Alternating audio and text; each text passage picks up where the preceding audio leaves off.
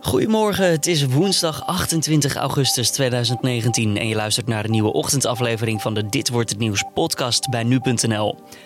Ajax speelt vanavond in de Johan Cruijff Arena tegen Apoel Nicosia. Vorige week werd het 0-0 op Cyprus. Het was een wedstrijd die Ajax maar snel moest vergeten. Nou je geeft uh, Apoel aardig wat kansen weg. Je creëert zelf heel weinig. Je pakt allerlei onnodige kaarten en zelf rood. Ja, het is een beetje uh, chaotisch was het uh, bij Ajax. Straks meer daarover met Riepke Bakker van onze sportredactie. Maar eerst kort het belangrijkste nieuws van nu. Rijkswaterstaat heeft woensdagochtend om 5 uur de A2 vanaf Amsterdam richting Utrecht weer vrijgegeven. De weg was sinds dinsdagavond rond 10 uur volledig afgesloten vanwege een groot ongeval met meerdere voertuigen. Het gebeurde ter hoogte van Apkoude. Daarbij zijn ook meerdere gewonden gevallen. De politie heeft de hele nacht onderzoek gedaan. Duidelijk in ieder geval is dat er een auto wist te ontkomen aan een politieachtervolging en later is de automobilist tot stilstand gekomen door een ongeval. Later geeft de landelijke eenheid meer informatie over het incident. Het aantal banen in de toeristische sector in Nederland is vorig jaar met 27.000 stuks toegenomen, naar een totaal van 791.000. Ook de uitgaven in die sector zijn gestegen naar meer dan 87 miljard euro. Dat is dik 6% meer dan in het jaar ervoor. De toeristische groei kwam zowel door uitgaven van binnenlandse als buitenlandse toeristen. Een 21-jarige vrouw uit Gelderland wil middels een gang naar de rechtbank achterhalen wie haar vader is. Ze is namelijk de dochter van een zaaddonor die schuilgaat achter de naam K34. Zeker 57 donorkinderen zijn door hem verwekt. Het is voor zover bekend voor het eerst dat een donorkind in Nederland middels juridische stappen achter de identiteit van haar verwekker wil komen. Dat schrijft de Volkskrant. De vrouw kent inmiddels al 13 andere donorkinderen van de man. Zij is echter de enige die naar de rechter gaat. Deutsche Bank beschikt over de belastingaangifte die zijn opgevraagd door Amerikaanse politici. Zij willen informatie over president Donald Trump en zijn gezin. Dat laat de bank weten na vragen van de rechtbank. Democraten willen dat het concern de financiële informatie overhandigt over de president en zijn kinderen, Donald Trump Jr., Ivanka Trump en Eric Trump. Het verzoek heeft geleid tot een juridisch steekspel. Trump en zijn kinderen spanden een rechtszaak aan om de gegevens uit handen van de Democraten te houden. De zaak ligt inmiddels bij het Hof van Beroep en dat wilde weten of de bank ook daadwerkelijk beschikt over die informatie. Zandvoort zal niet volledig op slot gaan voor auto's tijdens de Grand Prix volgend jaar. Het dorp blijft beschikbaar voor bewoners en hulpdiensten, al dus wethouder Ellen Verheij dinsdagavond tijdens een informatiebijeenkomst. Wel wil de gemeente samen met de organisatie van de Nederlandse Grand Prix er alles aan doen om te voorkomen dat racefans met de auto komen. Maar door het niet op slot gooien van de badplaats betekent het ook dat strandgasten gewoon met de auto naar Zandvoort kunnen komen, al wordt dat wel ten zeerste afgeraden. En archeologen hebben in Peru 227 lichamen aangetroffen in wat volgens hun de grootste vondst ooit van geofferde kinderen is. De kinderen van tussen de 4 en 14 jaar zouden zijn geofferd aan de goden van de Chimu. En dat zou zijn gebeurd vanwege het El Niño-effect. De lichamen zijn alle met het gezicht richting de zee gevonden. Sommige van hen hebben zelfs nog huid en haar. In de regio vonden veel kinderoffers plaats tussen 1200 en 1400 na Christus. Er wordt nog onderzoek verricht naar de periode waarin dit massaoffer precies plaatsvond. Dan het nieuwsonderwerp van deze dag. De laatste hindernis voor Ajax om zich aan te sluiten bij de groepsfase van de Champions League.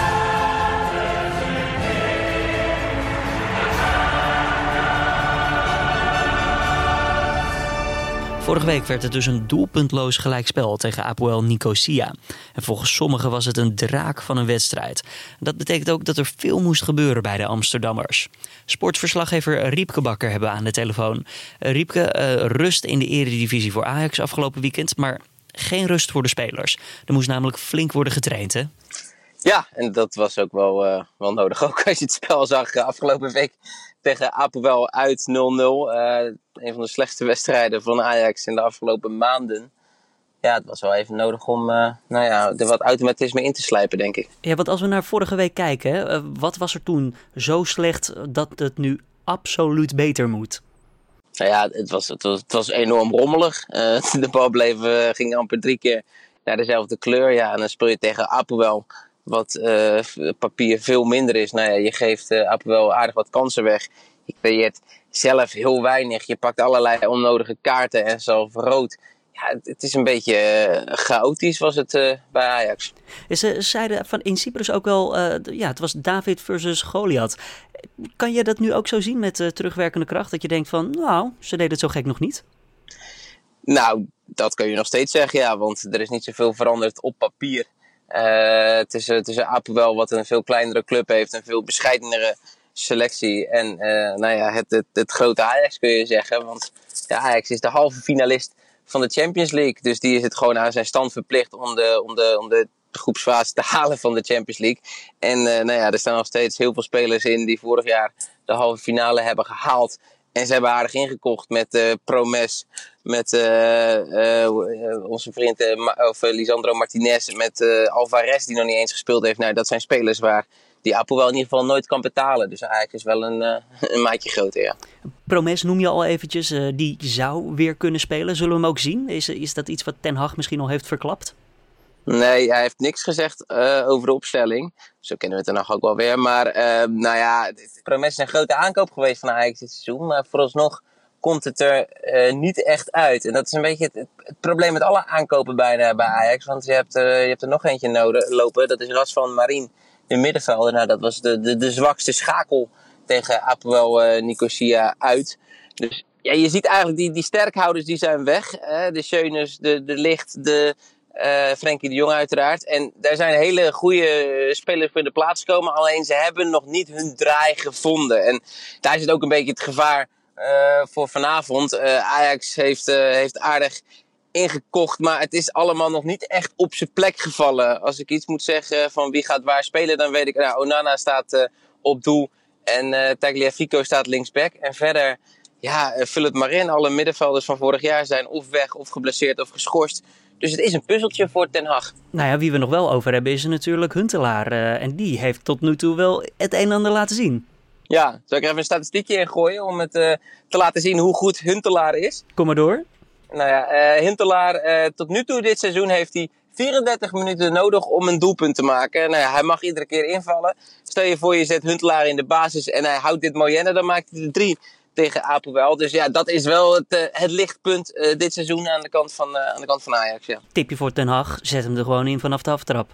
Ja, die kans is ook wel aanwezig, want Donny van der Beek is geblesseerd. Ja, dan kom je op zoek naar een aanvallende middenvelder. Nou, dat zou bijvoorbeeld Ziyech kunnen zijn. Dat zou ook Tadic kunnen zijn. Dat zou zelfs nog uh, Neres kunnen zijn. Maar dat betekent dat er voorin wel een plekje vrijkomt. Nou, stel je schuift Tadic een linietje naar achteren. Dan zou je prima Huntelaar in de spits kunnen zetten. Ook omdat je uh, veel beter bent dan Apelwel. Dus je zal veel in de aanval zijn. Je zal veel op de helft van de tegenstander zijn. Ja, en dan is Huntelaar op zijn best. Die heb je niet uh, nodig in de counter. Maar wel als jij aanvalt en als die voorzetten komen. Dan kan je Huntelaar natuurlijk prima gebruiken. Op papier is het dus helemaal niet zo vreemd als Ajax zal winnen. Maar toch heeft Ten Hag zich eh, ja, een beetje ingedekt door te zeggen dat het seizoen niet is mislukt als Ajax zich niet voor de groepsfase van de Champions League weet te plaatsen. Wat moeten we daar dan uit opmaken? Ja, ja, het is ook wel logisch. Want stel, stel dat Ajax eruit vliegt, dan, zitten wij, uh, dan gaat hij echt een jaar lang te horen. Het seizoen is al mislukt. Ja, daar heeft hij ook geen zin in, Ten Hag. En uh, puur feitelijk heeft hij natuurlijk ook nog wel een beetje gelijk. Want ik bedoel, stel Ajax wordt kampioen. Stel Ajax wint de KVB-beker en stel Ajax wint de Europa League. Ja, dan is, uh, is het seizoen van Ajax alsnog geslaagd. Is het verre van mislukt. Dus ja, het is dan nog niet mislukt. Maar het wordt wel uh, heel lastig om er dan nog een mooi uh, geslaagd seizoen van te maken. Maar de druk is er in ieder geval hè, voor het hele team en voor Ten Hag om gewoon te knallen vanavond tegen Apoel. Ja, ja het, gaat om 40 miljoen. Uh, maar dat uh, is, bijzaak voor Ajax. Die krijgen ze de Champions League halen. Het gaat vooral om, om status, om prestige. Ajax heeft vorig jaar iets prachtigs neergezet. Heeft een beetje Europa veroverd. Ja, dat mag niet als een kaartenhuis in elkaar storten. Ajax ja, moet gewoon presteren om aan de top uh, nou, in ieder geval te blijven. Om voort te borduren op dat succes. En te voorkomen dat het een incident was, die halve finale. Ja, dan nog even die UEFA-coëfficiëntenlijst. Want die horen we steeds vaker voorbij komen. Uh, winst is goed, zo, uh, zo simpel is het eigenlijk. Hoe staan we er een beetje voor als Nederland? Nou, heel goed. Heel goed. Uh, in die zin, we hebben ons direct Champions League ticket voor volgend jaar alweer terug. Dus de kampioen, de, de ploeg die dit seizoen kampioen wordt, gaat volgend jaar rechtstreeks in de Champions League in. En nou ja, we zijn in de breedte gewoon heel goed bezig. Voor Ajax is het belangrijk, groepsfase van de Champions League halen levert ook weer een bonuspunt op. Maar eh, nog belangrijker, eh, donderdag spelen ook Feyenoord, AZ en PSV. Nou ja, als die ook die groepsfase halen, en dat ziet voor Feyenoord en PSV wel naar uit, want die hebben allebei dik gewonnen. Dan krijg je dat Nederland eindelijk in de breedte punten gaat scoren. Hè. Alle clubs gaan dan punten veroveren voor Nederland. Waar het natuurlijk afgelopen jaren en ook al in eerdere jaren ja, vooral Ajax was. Dus je kan er heel veel punten gaan sprokkelen. Nou, dat betekent dat we weer uh, één zeker Champions League ticket hebben. Waarschijnlijk ook weer één uh, zeker ticket voor de Europa League. Er ligt wel wat moois in het verschiet. Waardoor we niet meer over die eeuwige voorrondes hoeven te praten. Die mogen we dan overslaan. Dat lijkt dus positief nieuws voor het Nederlands voetbal. Riepke Bakker van onze sportredactie, hartelijk dank voor je toelichting. En vanavond begint de wedstrijd Ajax-Apoel Nicosia in de Johan Cruijff Arena om 9 uur. En dan nog even de nieuwsagenda voor deze woensdag. De Raad van State doet uitspraken over een door de staatssecretaris van Economische Zaken ingestelde luchtvaartbeperkingen boven Natura 2000 gebieden. Aircraft Owners en Pilots Association Netherlands en de Koninklijke Nederlandse Vereniging voor de Luchtvaart zijn in beroep gekomen. De beperkingen houden in dat vliegtuigen, inclusief drones en zweefvliegtuigen, boven deze natuurgebieden niet lager mogen vliegen dan op een hoogte van 300 meter. Dat zou de gebieden namelijk aantasten. En luitenant-generaal Leo Beulen draagt het commando over de Koninklijke Landmacht over aan luitenant-generaal Martin Wijnen, die tot voor kort plaatsvervangend commandant ter strijdkrachten was. De ceremonie vindt plaats op het kasteel van Breda. Beulen neemt woensdag afscheid als commandant. Hij laat een leger achter zich dat volop in ontwikkeling is na jaren van bezuinigingen, maar inmiddels wordt er weer flink in defensie geïnvesteerd. En nog even het weer voor deze 28e van augustus. Vandaag weinig wind en veel zon. In de middag kan het wederom warm worden met zo'n 25 graden aan zee tot 32 graden landinwaarts. S'avonds en s'nachts kan je wel stevige onweersbuien verwachten met kans op windstoten. En dat betekent dat je er ook even goed aan moet denken als je komende nacht de ramen open laat staan voor wat koudere lucht binnen. Morgen is het iets koeler, dan wordt het zo'n 21 tot 26 graden. Na twee jaar lang toeren over de hele wereld met zijn Divide Tour maakt Ed Sheeran bekend er eventjes mee te stoppen. Hij las namelijk een pauze voor zichzelf in van zo'n anderhalf jaar. De 28-jarige Sheeran wil tot rust komen en tijd met zijn vrouw Sherry Seaborn doorbrengen. De twee trouwden afgelopen december en zouden aan een gezin willen beginnen. The club isn't the best place to find the lovers, so the bar is where I go. Me and my friends at the table doing shots, tripping fast and we talk slow. Pauze, ja, dat mag misschien ook wel, want Sharon gaf de afgelopen twee jaar meer dan 250 shows tijdens zijn tour. En gemiddeld stond hij daarom eens om de drie dagen op het podium. En dit was dan de Dit wordt het nieuws podcast van deze woensdag 28 augustus. Heb je tips voor ons? Laat het ons weten via podcast.nu.nl. Feedback voor de podcast mag daar uiteraard ook naartoe.